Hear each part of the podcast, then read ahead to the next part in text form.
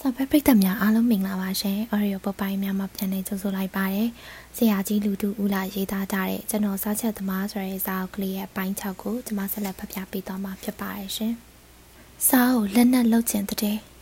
ကျွန်တော်တို့စားဖို့ကိုစားအင်စပတ်တော်ကြီးဦးလာထွန်းဖြူကစစ်တုံးကအဲဝက်ပြုတ်ကြတဲ့ညစာစားပွဲဟာလူတော်တော်ဆုံးပါတယ်။ မော်လမြိုင်ကရှောင်းနေတဲ့စားဖို့ရှင်ရဲ့မိတ်ဆွေရှင်းနေကြီးနဲ့ကြိုက်ခမီကထင်ပါတယ်ရီရီမုံမုံလူငယ်လေး၃ယောက်လောက်တော့ပါတယ်ညစာစားပြီးကြလို့ဧကန်းကျဲကြီးထဲမှာအေးလူလူထိုင်ပြီးစကားသမီးပြောကြတော့ကျွန်တော်တို့စားဖို့ရှင်ကစားခွန်တော်တွေအကောက်နှုံထားကြည့်တဲ့အတွက်ဂရူပီယာစားဖို့ရှင်တွေမှာဘာမှမကြံတော့တဲ့အကြောင်း ဒီထဲမှာအလုတ်သမားတွေကညံ့လို့စားရည်လောင်ကန်ကြီးထဲမှာစားမွေးရည်ပြည့်အောင်ထဲ့မထားနိုင်တဲ့နှစ်ဆိုရင်စားရသည့်ကုံတဲ့အတီးစားမချက်ရလို့စားထွက်နေပြီးဇရိတ်မကာမိတော့ပဲရှုံးတဲ့အကြောင်း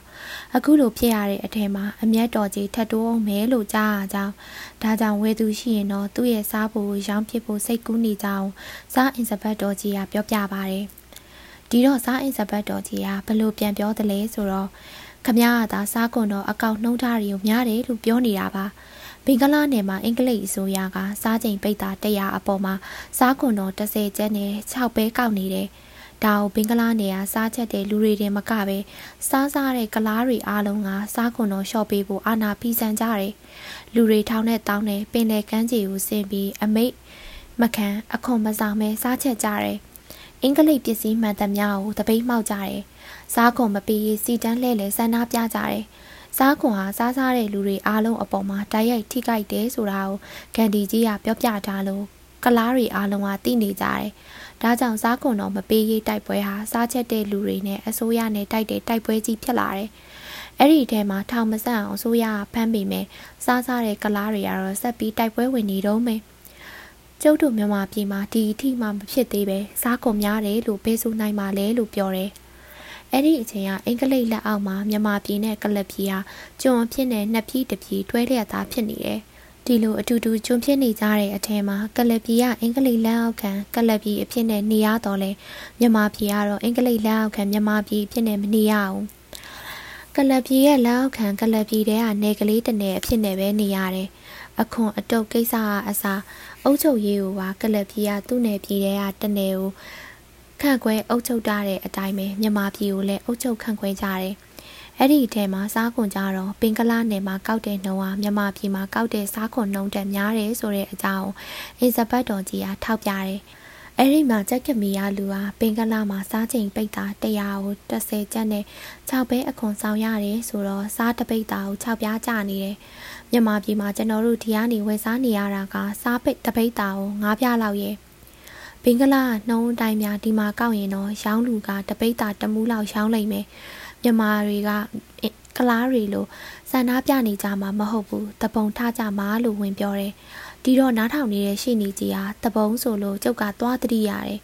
မန္တလေးကိုအင်္ဂလိပ်မသိမီအင်္ဂလိပ်ကအောက်မြန်မာပြည်တီဘောမင်းကအထက်မြန်မာပြည်ဒီလိုတိုင်းပြည်ကိုအထက်အောက်နှစ်ပိုင်းခွဲပြီးအသီးသီးပိုင်းနေကြတော့နေကြကဘယ်မှာရှိတယ်လဲဆိုရင်တရက်မှာအဲ့ဒီမှာ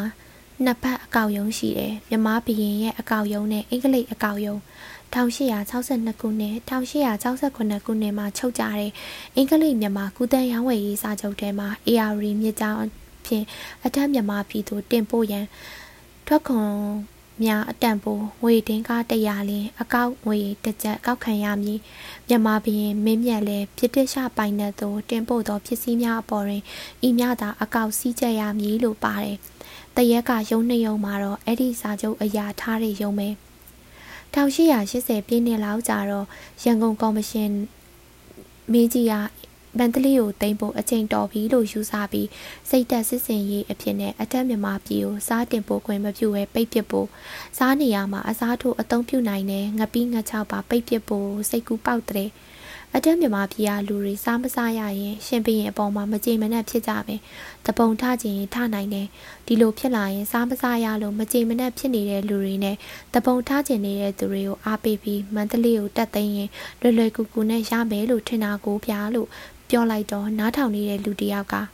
ဟုတ်တာပေါ့ဗျစားကိုမှငငယ်မကြွေးနိုင်တဲ့အုတ်ချုပ်ကြီးအောင်မှဘသူကနေကြမှာလဲ။ ထမင်းစားလို့မှစားမြက်မြက်ကလေးရှာဖို့မတင်ရရင်တိုင်းသူပြည်သားဘယ်ကျင်တတ်မှာလဲ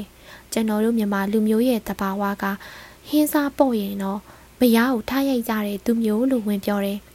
ဒီတော့ရှင်းနေကြီးအားဆက်ပြီးဒါနဲ့ကော်မရှင်နာမင်းကြီးကပြီးလက်ကိုဘလို့အစီရင်ခံစာရေးလိုက်တယ်လဲဆိုတော့အထက်မြန်မာပြည်နဲ့အောက်မြန်မာပြည်နှစ်နိုင်ငံကူးတဲ့ရောင်းဝယ်ရေးစာချုပ်အရာကုန်ပစ္စည်းတန်ဖိုးငွေ100အပေါ်မှာအကောက်တစ်ချက်ကျ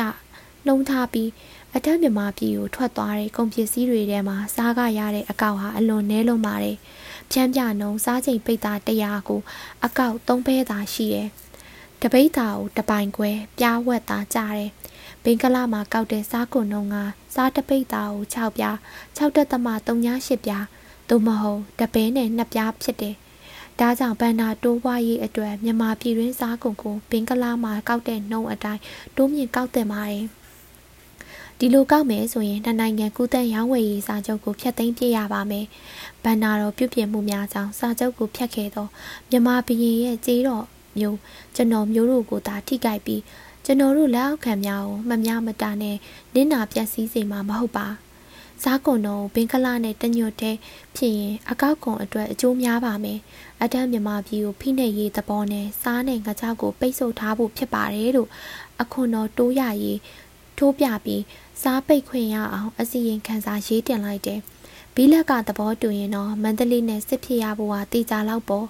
လို့ပြောတော့တမင်းပွဲမှာတိုလီမိုလီကူးလုပ်ပြီးအနားမှာလာတိုင်နေတဲ့ဦးမြက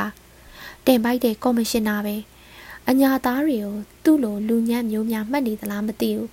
ကျုပ်တို့အညာမှာစားထွက်ပါတယ်ရွှေဘိုနေသားတွေဆိုရင်အခုမှအောက်စေးအောက်စားကိုဈေးပေါ်လို့ဆွဲစားကြတာ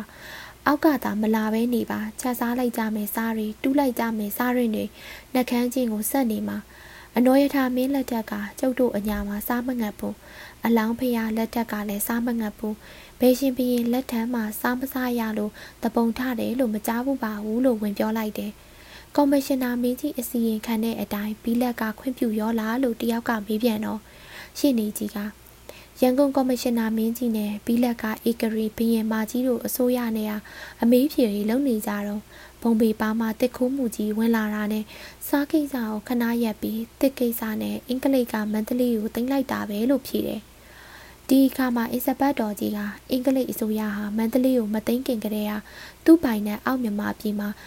လူကွန်တော်ရီကောက်နေတယ်လူပြိုနှစ်ချက်ခွဲလင်မယားအိတ်တအိမ်နာကို၅ချက်ပေးရတယ် ဒီလိုအခွန်တော်မျိုးကောက်ရတာဟာကဘာကကြားမကောက်ပါဘူးဆိုရင်လူခွန်အစားစားကုန်ကိုပင်ကလာမှာကောက်တယ်လို့ကောက်ဖို့ကြံကြတယ်အဲ့ဒီအကြံဟာအထက်မြန်မာပြည်တွင်သာမကရှမ်းပြည်အပါအဝင်မြန်မာပြည်တစ်ပြည်လုံးကိုသိမ်းပြီးလို့နှစ်ပေါင်း90ကြာပြီးတဲ့နောက်ဒီကနေ့အထိကြံနေတော့ပဲရှိသေးတယ်ဒီကနေ့အဲ့ဒီလူကွန်တော်ကိစ္စဟာနေတော်တော်များများမှာစုစုပူပူဖြစ်နေတယ်။ အခုလူကွန်တော်ကိုဖြုတ်ပစ်ပြီးတခြားအခွန်အမျိုးမျိုးနဲ့အစားထိုးဖို့စီစဉ်နေတယ်။တစိမ့်တော်ကောင်းကွန်နဲ့စားကွန်ကိုတိုးကောက်မယ်။မိကျကွန်လည်းကောက်မယ်လို့ကြားတယ်။မြန်မာပြည်မှာလူဦးရေ12တန်းရှိတယ်။အရွယ်မရောက်သေးသူမတန်ဆွမ်းသူဖုန်ကြီးမေတီလာမုတ်ဆိုးပူမုတ်ဆိုးမှာမင်းမှုတန်းစားတဲ့လူခုကင်းလွတ်ခွင့်ရရဲ့သူ6တန်းကိုဖဲ့လိုက်ရင်လူ6တန်းကြံမယ်အဲ့ဒီ6တန်းကိုလင်းစုံမရဖတ်လိုက်ရင်အိမ်အောင်စု 3တန်းရှိမယ်မြန်မာပြည်ကရတဲ့လူကွန်းဆိုတာအဲ့ဒီအိမ်အောင်စု3တန်းဟာတအိမ်အောင်တစ်နှစ်5ချက်ဆောင်ရတဲ့အခွန်ပဲဖြစ်တယ်လူကွန်တော်ဖြုတ်ဖြစ်မယ်ဆိုရင်တော့အိမ်အောင်စု3တန်းဟာနှစ်စဉ်ရနေတဲ့အခွန်တော်ငွေနဲ့ညီမျှတဲ့အခွန်တော်ငွေမျိုးရအောင်အခြားအခွန်တော်အပေါ်မှာတိုးကောက်ရမယ်အခွန်တော်အသစ်ထွင်ပြီးလဲကောက်ရမယ် ကျွန်တော်တဲ့တဲ့ကြားတာစားကုန်တိုးမယ်ပိတ်တာတထောင်ကို80နှုန်းအတီတိုးမြင့်မယ်လို့ကြားတယ်လို့ပြောတယ်အခုလိုပြောလိုက်တော့စားဖို့ရှင်ကဥမြဘက်ကိုလှည့်ပြီးစားတထောင်ကို80ကောက်ရင်စားတပိတ်တာကို၄ပြားခွဲအခွန်တော်ဆောင်ရမယ်လက်ရှိကောက်နေတဲ့အခွန်ဟာတပိတ်တာကို၃ပြားခွဲဒီတော့စားတပိတ်တာအပေါ်မှာအခွန်တပြားထပ်တိုးပြန်တာပေါ့ ဘယ်နဲ့ဦးမြကြားတယ်မဟုတ်လားအခုတော့စောင်းနိုင်အောင်စားရသည်တရသည်လုံးမီးမပြတ်ချက်နိုင်ဖို့ပင်လေရီလောက်ပဲကြီးတဲ့ကိုအမြဲပင်လေရီတွေဖြစ်နေမှာဖြစ်မယ်လို့ပြောလိုက်တယ်စားဖို့ရှင်ဟာရေတင်ချားနေရမှာကြောက်တဲ့ဦးမြရဲ့အကြောင်းသိရဲ့ဒါကြောင့်ဦးမြကိုစတာပါဦးမြကတော့ဘာမှပြန်မပြောပါဘူးလက်ခတ်တဲ့လူတွေဂရုပီယာစားဖို့ရှင်တွေဟာအများအပြားတော့ကက်စီနေပြီးလက်ခတ်ကြတယ်အလုံသမားတွေအပေါ်မှာလည်းမောင်းမောင်းမာမာရှိလာတယ် ဒီလိုဖိုရှင်မျိုးကိုစားချက်သမားတွေကပညာသားပါပါတုံ့ပြန်လေးရှိတယ်အခုလိုတုံ့ပြန်တာကိုခံရတဲ့ဖိုရှင်ဟာကွဲတာပါပဲကျွန်တော်တို့နဲ့ကျွန်တော်တို့ဖိုရှင်နဲ့ဆက်ဆံပုံအောင်ပြောပြဖို့လိုပါတယ်စားဖို့ရှင်တရားဟာစားချက်ခွင့်လိုင်စင်ရတာနဲ့သူ့ဖို့အရေးကြီးဆုံးလုပ်ရမှာຫນွေမိုးဆောင်ဥတု၃ပါးစနရရာသီစလုံးကိုစားချက်နေနိုင်မှုဖြစ်ပါတယ်ဒါမှသူအောင်မြင်မယ် တစ်နှစ်ကိုစားပိတ်တာချင်း၄သိန်းမှန်းထားတဲ့ဘိုးဟာ6လသာချက်ရင်2သိန်းပဲရမှာပေါ့3လတဲ့ချက်ရရင်တော့3သိန်းပဲရမယ်သူ့ဖို့တော့စားထွက်များမှာကြိုက်မယ်၄သိန်းထွက်ဖိုးကြီးတယ်ပြီး3သိန်းလောက်သာထွက်မယ်ဆိုရင်တစ်နှစ်စာတိုးလောင်ထားရတဲ့ထင်းဘိုးဟာကြည်စရာမရှိဘူး ဒါကြောင့်12လလုံးလုံးစားချက်နေနိုင်အောင်ရေထားရဲ့ကြကမှရောက်လာတဲ့ချောင်းထဲရပင်လေရေကိုချောင်းဘေးကအလံ90ပတ်လေအကျဲရှိပြီးအမြင့်9ပေရှိတဲ့ပင်လေရေငန်လောင်ခွက်ကြီးတဲ့ကိုအမြဲပြည့်နေအောင်ဖြည့်ထားဖို့အလုပ်ဟာသူတို့ဖို့တော့အရေးကြီးလာတဲ့အလုပ်ဖြစ်တယ်လို့သတ်မှတ်ထားတယ်။ကံကြီးလိုဖြစ်နေတဲ့ဒီပင်လေရေကန်လောင်ကွက်ကြီးတဲ့ဟာရေပြည့်နေမှာအဲ့ဒီရေကိုလှမ်းတူကွက်လှမ်းပါကွက်စားမိတ်ကွက်စားတဲ့ပင်လေရေနေလန်းကွက်တွေတဲ့ကိုအဆက်မပြတ်ပို့ပေးနိုင်မှာဖြစ်တယ်။ လှမ်းထူလှမ်းပါစားမိတ်ကွက်တွေကလည်းရောက်လာတဲ့ပင်လေရေငံကိုနေလန်းပြီးရန်စီလိုစားချက်ဖို့အငံဒီဂရီပြီးတဲ့စားရည်တွေကိုဖိုနာကစားရည်လောင်ကန်ကြီးတွေကိုပြည့်အောင်တွေ့ချထားလိုက်ရမယ်အချုပ်ကတော့ချောင်းပေးရပင်လေရေငံလှောက်ခွက်ကြီးထဲမှာရေမရှိရင်စားချက်စရာစားမွေးရည်လည်းမရှိနိုင်ဘူး။ဖိုနာကစားမွေးရစားမွေးရည်လောင်ကန်ထဲမှာစားမွေးရည်မရှိတဲ့နောက်ဘာနဲ့စားချက်ဖြစ်မှာလဲ။ ဘိုနာကစားရည်လောင်ကန်ထဲမှာစားချက်ဖို့အငံဒီဂရီမိတဲ့စားမွေးရည်တွေအပြည့်ရှိထားမှဖိုရှင်ဟာຫນွေမိုးဆောင်300ဒီ12လပတ်လုံးစားချက်နေနိုင်မှာဖြစ်တယ်။သူမှန်းထားတဲ့ပိတ်တာချင်းအပြည့်ထုတ်လုပ်နိုင်မှာဖြစ်တယ်။ဖိုနာကကန်ကြီးတဲ့ကိုလှမ်းတူကွက်လှမ်းပကွက်စားမွေးကွက်တွေအစင်းစင်ငံတီထက်ငံအောင်နေလန်းပြီးတွန်းထားတဲ့ရေဟာမိုးရေထက်လေးတယ်။ဒါကြောင့်မိုးတွင်းမှာမိုးရွာလို့မိုးရေတွေကန်ကြီးတဲ့ဝင်လာတဲ့အခါမိုးရေနဲ့စားငံရေတွေဟာရောပြီးမပြီးသွားဘူး မိုးရေကအပေါ်ကနေပြီးစားငံရေကအောက်ကနေတယ်ဒီလိုရေနှစ်ခုရောမနေလို့ကန်ရဲအောက်ခြေတပေလောက်အမြင့်ကဝါးပြုံနဲ့ဆက်ထားတဲ့ခိုးတွင်းထဲကရေကိုခတ်ပြီးမိုးလာတွေထဲမှာစားချက်လို့ရနိုင်တာပေါ့ကျွန်တော်တို့စားဖို့ပိုင်းရှင်တတိယလူကပ်ဖဲသူကပေးရမယ့်ငွေချင်းနဲ့ပတ်သက်လာရင်နေရွှေညရွှေနဲ့အင်မတန်ကြီးထူတဲ့သူဖိုတကြီးဆိုတာလဲအခိုင်းရက်ဆက်ပြီးအောက်လက်ငယ်သားကိုနည်းနည်းမှညာတဲ့သူမဟုတ်ဘူး ဒီအတွက်ပညာပေးတဲ့သဘောနဲ့ကျွန်တော်တို့အချင်းချင်းညှိနှိုင်းပြီးချောင်းထဲကပင်လေရေတင်တဲ့အလုပ်ကိုခိုးနိုင်သမျှခိုးကပ်ပြီးလုပ်ကြတယ်ပညာပြလိုက်ကြတယ်လေဒါကြောင့်ကျွန်တော်အလုပ်စဝင်တဲ့နှစ်မှာပဲကစုံလလဲဆန်ရောဖိုနာကကန်ကြီးထဲမှာလှောက်ထားတဲ့နေလန်းစားမွေးရည်တွေဟာလည်းကုံရောမိုးရင်းချက်ဖို့အလင်းမမီတော့ဘူးမွေးထားတဲ့စားငံရည်လည်းမရှိတော့ဘာနဲ့စားချက်မှလဲဒီတော့အလုပ်ပိတ်လိုက်ရတာပဲ။ အခုလိုမိုးကြအောင်မခံပဲဖိုးစောစောပိတ်လိုက်ရတော့ဖိုးရှင်နဲ့ဖိုးတကြီးမှာအင်မတန်ထိကြိုက်တာပေါ့ကျွန်တော်တို့စားလို့သမားတွေကလည်းဘာရေးလဲစားဖို့ပိတ်ထားလဲစားထင်းခုတ်လို့ရောင်းလို့ရနေရပဲလေစားထင်းဆိုလို့ဖြည့်ပြီးပြောရပါအောင်မယ်ကျွန်တော်တို့ခေတ်ကဂရုပီတော်ထဲမှာတစ်ကြီးဝါးကြီးတွေကအခုလိုမရှားသေးတော့ဘာပင်ညာပင်ရဲလို့ရွှေးမနေရဘူးအကိုင်းခံများတဲ့အပင်ဆိုရင် ပေါက်စိတ်နဲ့ပေါက်လဲပစ်လိုက်တာပဲတောကတော့ပြင်ကရိုးပင်အလွန်ပေါ်တဲ့တောပေါ်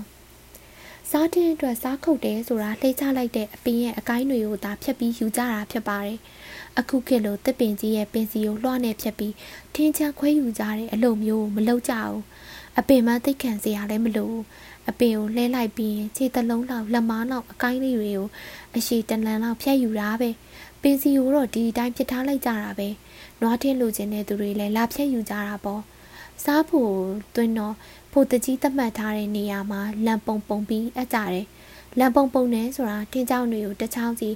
အမြင့်တလန်အလျားတလန်ရှိအောင်စီပြီးပုံထားတာကိုခေါ်တာ။ဒီအခါမှာဖို့တကြီးကစစ်ဆေးတယ်။ရှင်တိုးကြွဝင်အပေါက်တပေါက်တလီ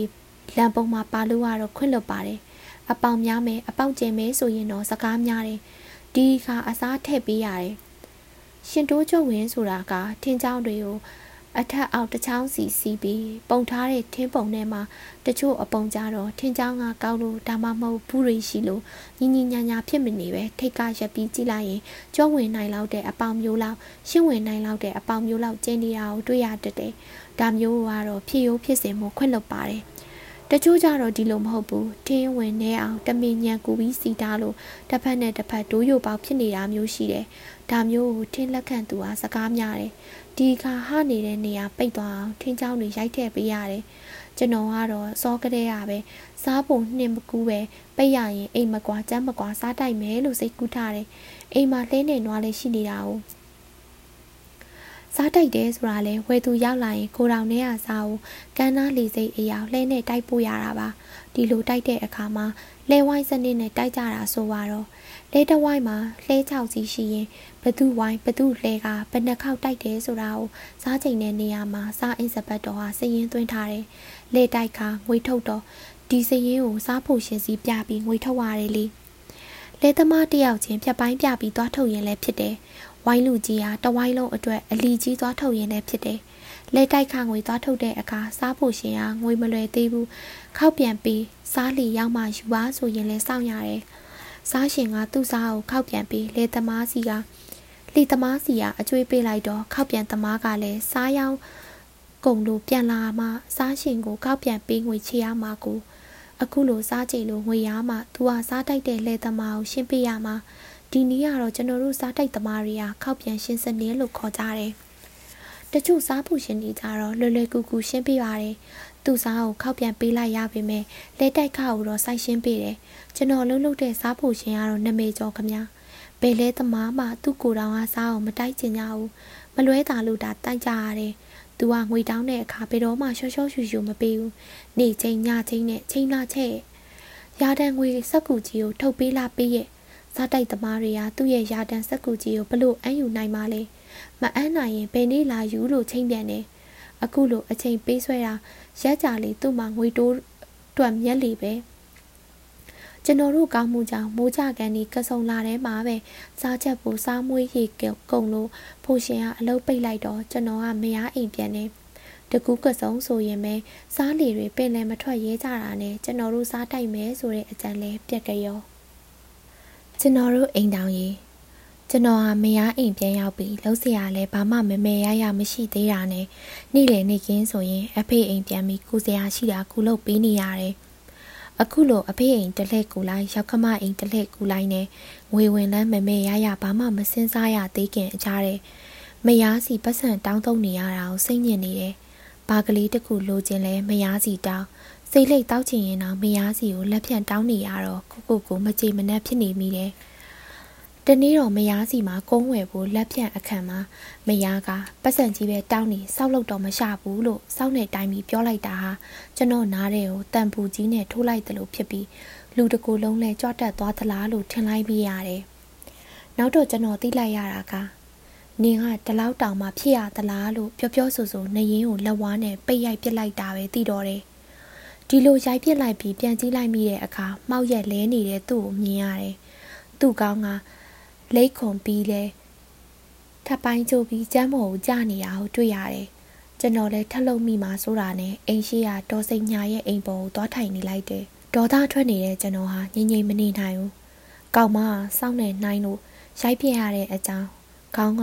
လိတ်ရစ်ပတ်ပြီးအောင်ထပ်ပိုင်းကျိုးသွားတဲ့အကြောင်းတွေကိုဒေါ်စိန်ညာကိုပြောပြလိုက်တယ်။ညနေဆောင်တော့တော်စိန်ညာအိမ်မှာရှိနေတဲ့ကျွန်တော်ခင်မာကလေးကထမင်းစားဖို့လာခေါ်တယ်။ အိမ်မှာထမင်းစားတဲ့အခါတိုင်းတအိမ်လုံးတဝိုင်းနဲ့စူစားလေးရှိတယ်။တဝိုင်းနဲ့စူစားကြပြီးအေးအေးဆေးဆေးနဲ့လင်မယားလည်းကောင်းသွားပါပြီ။နောက်နေ့မနက်မှာအဖေအိမ်ကအလုပ်တွေကိုကူညီလုပ်ပေးဖို့ခြံထဲကိုကျွန်တော်ပြန်သွားတယ်။မိုးချုပ်ခံပြီးတော့မခေါ်စပူရောက်ခမအမကြီးဟာ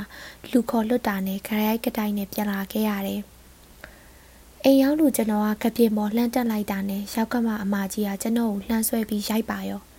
စူလဲစူတော့တာပဲသူရိုက်တာမနာပါဘူးသူကလက်ဝါးနဲ့ကျွန်တော်ကိုကြောပြင်ကိုရိုက်တာစူတာကတော့အလွန်စူတာအိမ်ပေါ်ကဆင်းပြေးကျင်လာအောင်ကိုစူတာမိုးချုပ်သွားလို့သာပေတီနေရတယ်တညာလုံးမအိပ်ပဲစူတယ်မိမကသာပိန်ပိန်လှက်လက်ကလေးရဲ့စူတဲ့ဘဝမှာတော့ကန်းကုန်တာပဲဖြစ်ရပုံကကျွန်တော်ရိုက်လို့ကြိုးသွားတယ်လက်ရင်ပတ်ပြီးဟာရောက်ခမကြီးရဲ့ပြီးသမီးကခဏယူပတ်ထားတာ ဘီးကျိုးကိုရောက်ခမကြီးကတွေ့တော့ဘာဖြစ်လို့ကျိုးတယ်လဲလို့သူ့သမီးကိုမေးတယ်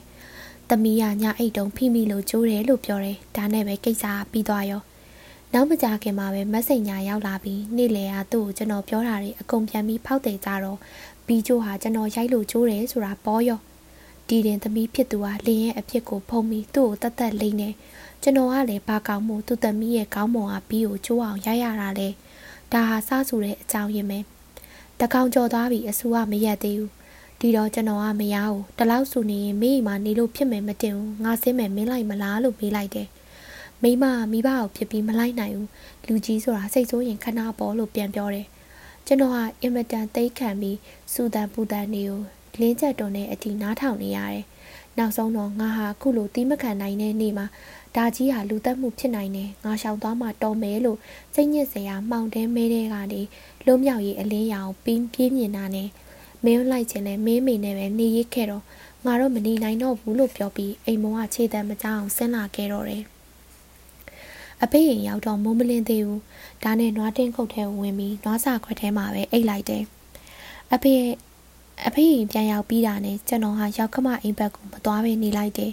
တခါတည်းရင်အလုပ်ရှိလို့သူတို့အိမ်ရှိကိုဖြတ်မိတဲ့အခါမရကိုတွေးပါရဲ့ဒါပေမဲ့ကျွန်တော်မဝင်ပါဘူးအခုလိုဆက်သွယ်ဖြတ်ပြီးနေလာလို့၄၅လလောက်ကြာတဲ့အခါရောက်ခမကြီးဟာကျွန်တော်သူ့သမီးကိုစားစရိတ်မထောက်တာ၃လကျော်ပြီးဒါကြောင့်လင်ကန်းမရကန်းပြက်ပြီးသမီးကိုလင်ပေးစားတော့မယ်လေကျင်တဲ့ကာလာသားတွေအိမ်ကိုလာလေကြလို့အရက်ထဲမှာတည်င်းလွှင့်နေဒီတည်င်းလွှင့်တန်ကိုကျွန်တော်တို့ဖို့တကြီးတရုတ်ကြီးကြတော့တနေ့မှအိမ်ကိုရောက်လာပြီးမ ယားနဲ့ကွဲနေသလားဘာတိတ်ပယ်နဲ့ကွဲတာလဲလို့မေးတယ်ကျွန်တော်ကရောက်ခမစူအားကြီးလုံးလို့စိတ်ညစ်တာနဲ့မဆက်ဆံပဲနေတာပါမယားနဲ့ဘာမှဖြစ်တာမဟုတ်ဘူးလို့ပြန်ပြောတယ်ဒီတော့သူကဗမာရီရဲ့လင်မယားဘဝဟာအင်မတန်မရေရာတဲ့ဘဝမျိုးမညာခင်ကြိုက်ကြတော့ငါ၃နှစ်၃မို့သူကြည်ငါကြည်နဲ့တူးကိုတူးစုံစမ်းကြတယ်သဘောကျလို့ညားလေးညာရောဗမာနေလို့ဘာလို့ရမှန်းလဲမသိပဲဖြစ်ကုန်ကြရော ဒိုးတရုတ်တွေဆိုရင်မယားဖြစ်မဲ့သူကဘသူလင်ဖြစ်မဲ့သူကဘသူလို့တချို့များကြိုးပြီးမသိကြပါဘူးတူးနဲ့တူးမြင်အောင်မမြင်ဘူးနှစ်ဖက်လူကြီးမိဘကသူနဲ့သူနဲ့တော်လိုက်မယ်လို့ချင့်ချိန်ပြီးလက်ထပ်ပြီးတော့မှတွေးဘူးမြင်ဘူးကြတာမျိုးသုံးနှစ်သုံးမိုးလဲစောင့်မကြည့်ပါဘူးဘလို့ပဲဖြစ်ဖြစ်လက်ထပ်ပြီးတာနဲ့သူတို့မှနေစရာနေရာအတွက်ဘာမှပူစရာမရှိတော့ဘူးယောက်ျားရဲ့အိမ်ဟာသူတို့သမီးနေရမယ့်အိမ်ပဲ ဒီအိမ်မှာတည်တဲ့အတီလင်းယောက်ျားရဲ့မိဘများနဲ့အတူဆွဆွဝေဝေနဲ့နေသွားကြတာပဲသူတို့ကတားရပြန်တော့လဲချွေးမကိုဒီအိမ်မှာပဲနေစေတယ်သမီးမွေးမှလင်းနောက်ထဲလိုက်ရတာဒီတော့တရုတ်လူမျိုးတွေမှာရောက်ခမကြောင်ဘသူဘဝကြောင်မလီမယားကွဲတဲ့ပြဿနာမရှိဘူးဒီလိုအိမ်တော်ရေးစနစ်နဲ့တရုတ်တွေကခိုင်ခန့်ကြီးကျယ်တဲ့တရုတ်လူမျိုးကြီးဖြစ်လာအောင်ထိန်းထားကြတာနှစ်ပေါင်းထောင်သောမကတော့ တရုတ်လူငယ်လူရွယ်တွေဟာအိမ်တော်ရေးကြောင်အခုမင်းတို့ဖြစ်တယ်လို့ကလေးကလွင်မဖြစ်ကြဘူးခိုင်မြဲတဲ့အိမ်တော်ရှင်အဖြစ်နဲ့ကဘာလူမျိုးတွေအလဲမှာခေါင်းထောင်ပြီးနေနိုင်တယ်အခုမင်းတို့အဖြစ်ကလင်မယားညာပြီးရင်နေစရာမရှိဘူးတချို့လဲသူ့ဘက်ဆွဲငါးဘက်ဆွဲနဲ့ကွဲရောစီးမရှိကြပြန်ဘူးကွဲကျင်တဲ့အခါလဲဘာမဟုတ်တာလေးနဲ့ကွဲကြတယ်ပြန်ပေါင်းကျင်တော့လဲပေါင်းလိုက်ကြတာပဲဒီလိုအိမ်အောင်ရေးပုံစံမျိုးဟာလူမျိုးကြီးတစ်မျိုးဖြစ်လာနိုင်ပါမလား ငါတော့လူမျိုးတည်တတ်မဲ့အိမ်အောင်ရေးပုံစံမျိုးမဖြစ်ဘူးလို့ထင်တယ်စီးလွတ်အားကြီးတယ်တာဝန်မဲ့အားကြီးတယ်ရွာထဲကလေလိုက်နေတဲ့စံမတူကိုကြည်ပါလားမအေးနဲ့ညာပြီးမိမအိမ်လိုက်နေရတယ်နှစ်လမကြောက်စံမတူအလုံးမရှိတော့ရောက်ခမဆူတယ်မရနှင်ချတယ်စံမတူဆင်းသွားပြီးမကြပါဘူးလေးငါးလပဲရှိမယ်တင်တယ်မရကလင်သိယူတယ်ရောက်ကမကြီးကြီးဖြူဖြူနဲ့အိမ်မော်တင်ထားတယ် ဒီလိုလူမျိုးကိုကိုကိုကိုယိုသေးတဲ့လူမျိုးလို့စိတ်ရင်းသွင်းလို့ဖြစ်ပါမလား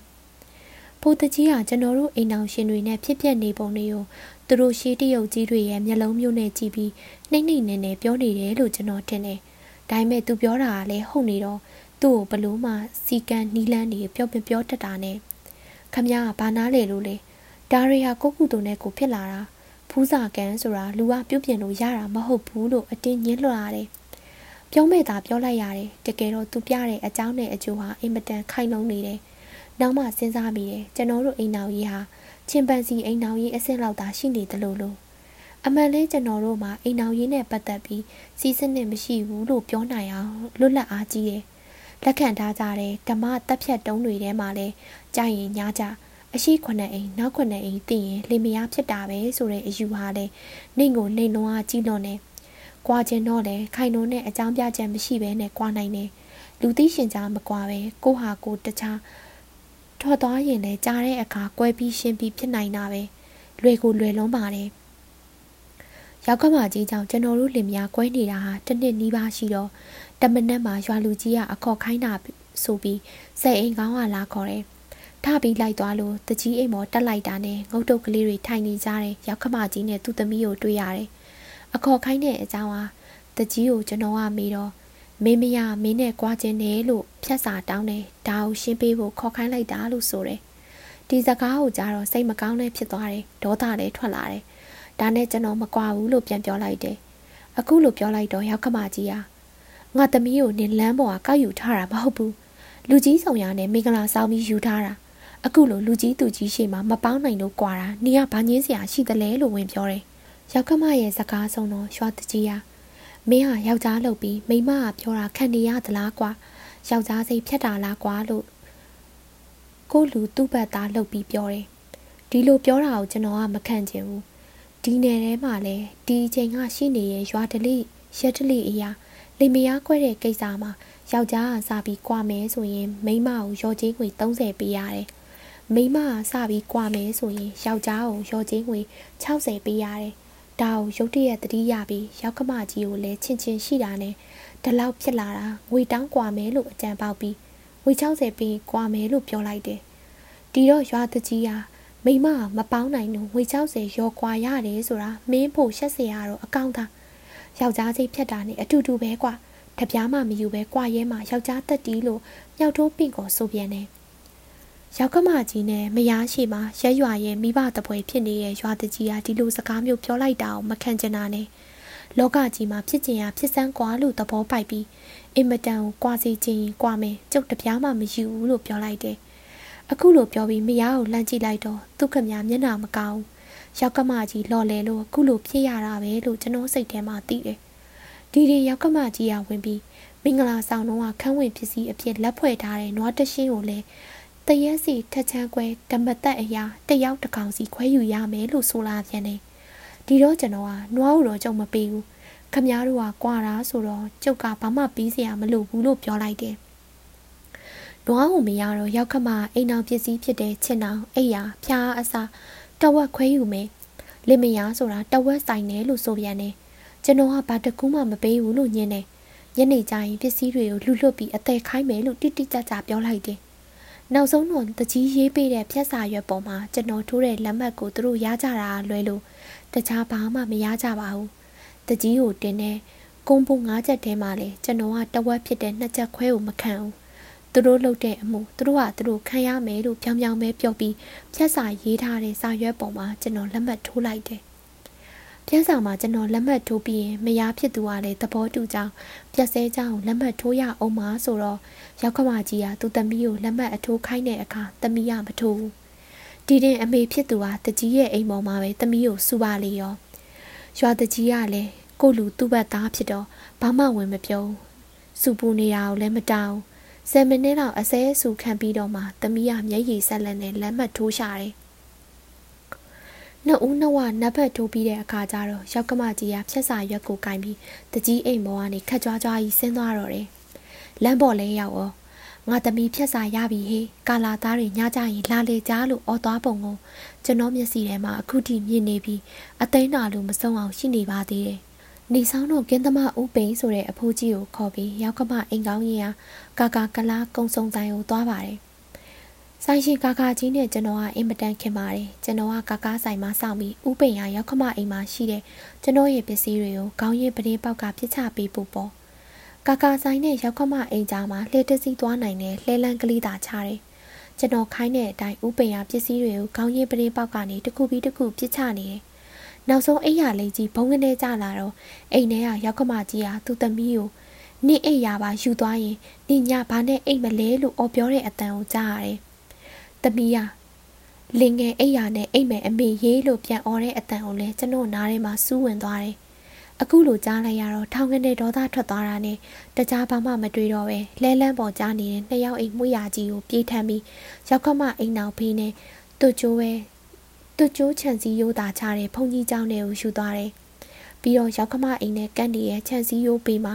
ရေနံစီလောင်းပြီးမိရှို့ပြလိုက်တယ်။ဦးပိန်ကမီးမရှို့ဘူးမလို့ချင်းသူ့ကိုပေးဖို့တောင်းတယ်။ ဒေါသမွန်နေရဲ့ကျွန်တော်ကမပေးဘူး။မိရှို့ပြမှကျင်းနှမ်းမအောင်။အဲ့ရလေးကြီးကျွန်တော်မိရှို့နေတာမြင်တော့ရောက်ခမကြီးကအိမ်နောက်ဖေးကိုထွက်လာပြီး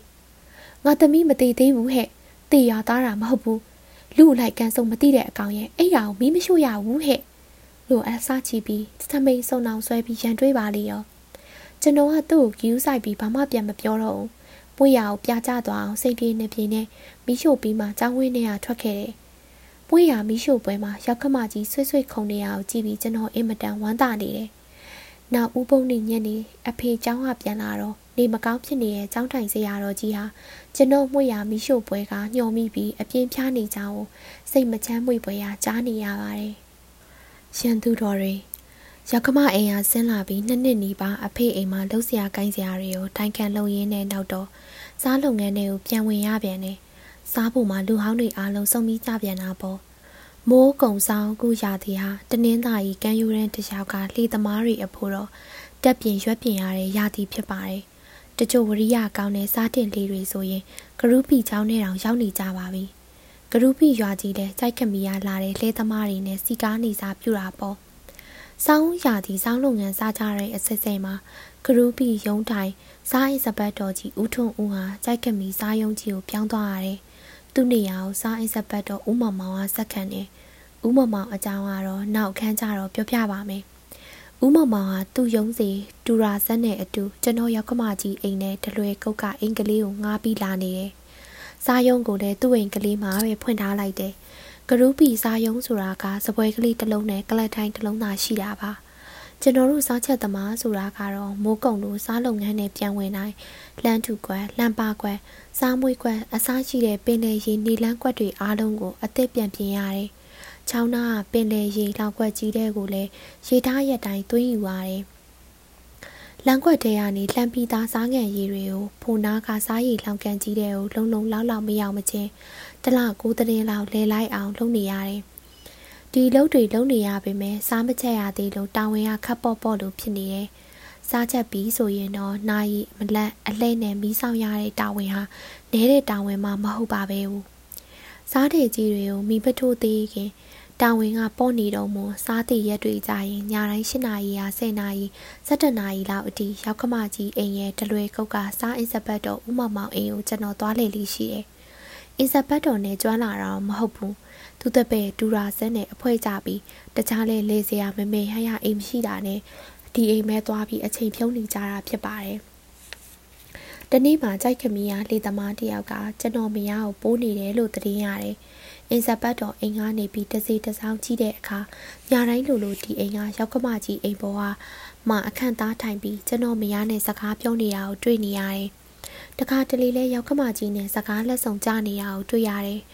ကျွန်တော်ရောက်ကမယောက်ျားကြီးကတော့အိမ်တွင်းရေးတွေမှာဘာတကူမှဝင်မဆွတ်ဖက်ဘူး။သူကပတ်စံရှာဖို့တသက်လူဖြစ်လာတဲ့လူနဲ့တူပါတယ်။ကျွန်တော်သူသမီးနဲ့꿰ကြခွာကြတော့ငါတယ်။သူကမသိတလို့ပဲနေတယ်။အခုအိမ်ပေါ်ကလူပြိုလှည့်နေတဲ့သူတွေလာနေတော့လေ။ तू ကမသိသလိုပဲနေတယ်။ဒလိထုံးစံရှိနေတာကဂရုပိရွာမှာ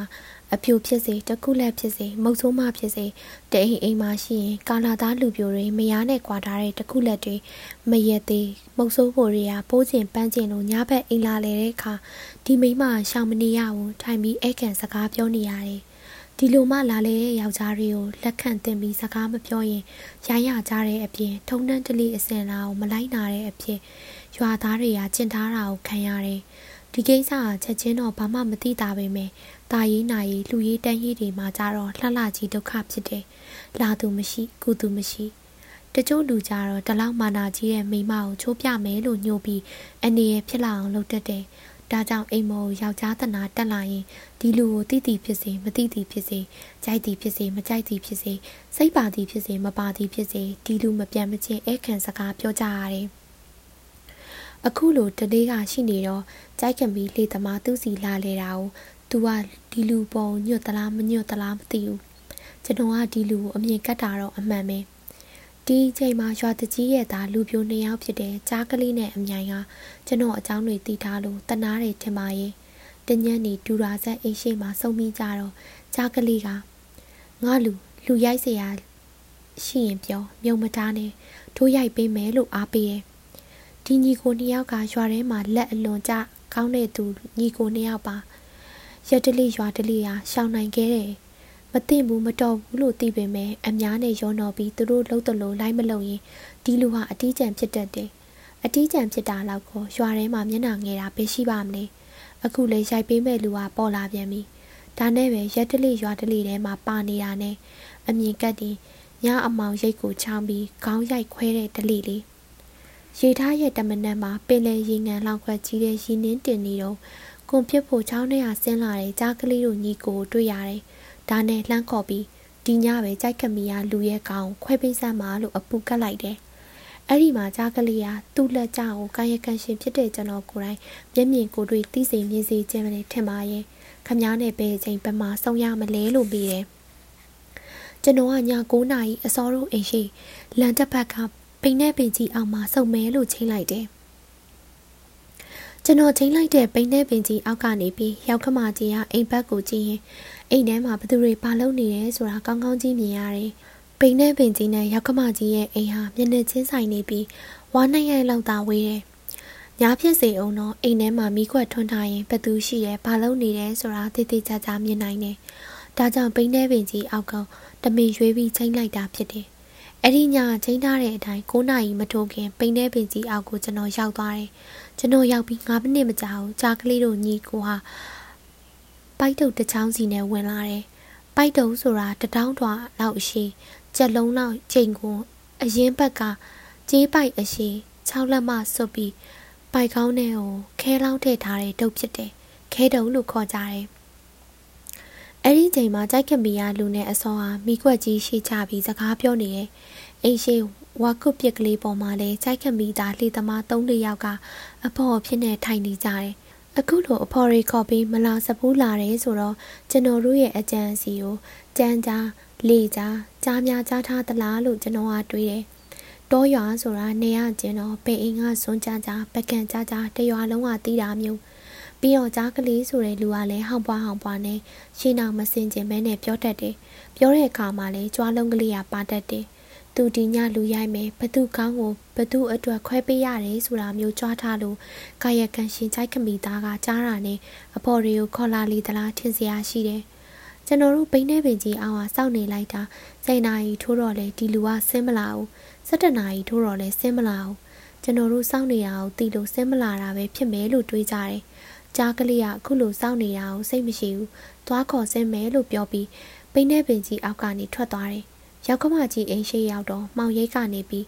ကိုဆန်ရွှေခဏပြိုးလို့ခေါ်ထုတ်တယ်။ဟိုလူကလှုပ်တော့မလှုပ်ဘူး။အခုလိုခေါ်လိုက်တော့အိမ်ရှိဝကုတ်ပစ်လေးမှာထိုင်နေတဲ့လူသုံးလေးယောက်ကအိမ်မော်တက်သွားကြပြီးသူတို့ရဲ့အဖော်ပေးမှာဝိုင်းပြီးထိုင်လိုက်ကြရော